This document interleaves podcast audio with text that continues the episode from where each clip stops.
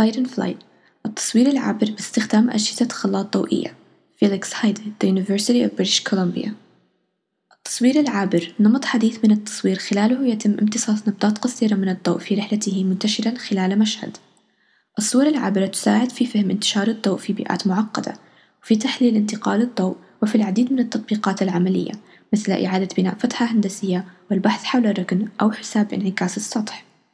إلى الآن، ارتفاع تكلفة الأجهزة المطلوبة قد أعاقت التقدم في البحوث والتطبيقات العملية، فضلًا عن هشاشة وصعوبة العملية وأجهزة المعايرة مثل femtosecond laser والكاميرات المتتالية.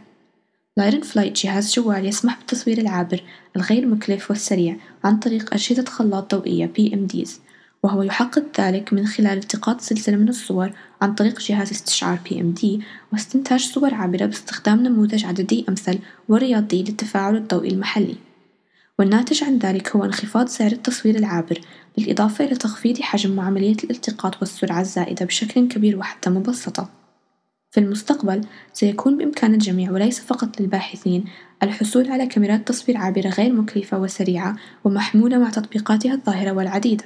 لايرن فلاي هو خطوة كبيرة نحو هذا الهدف.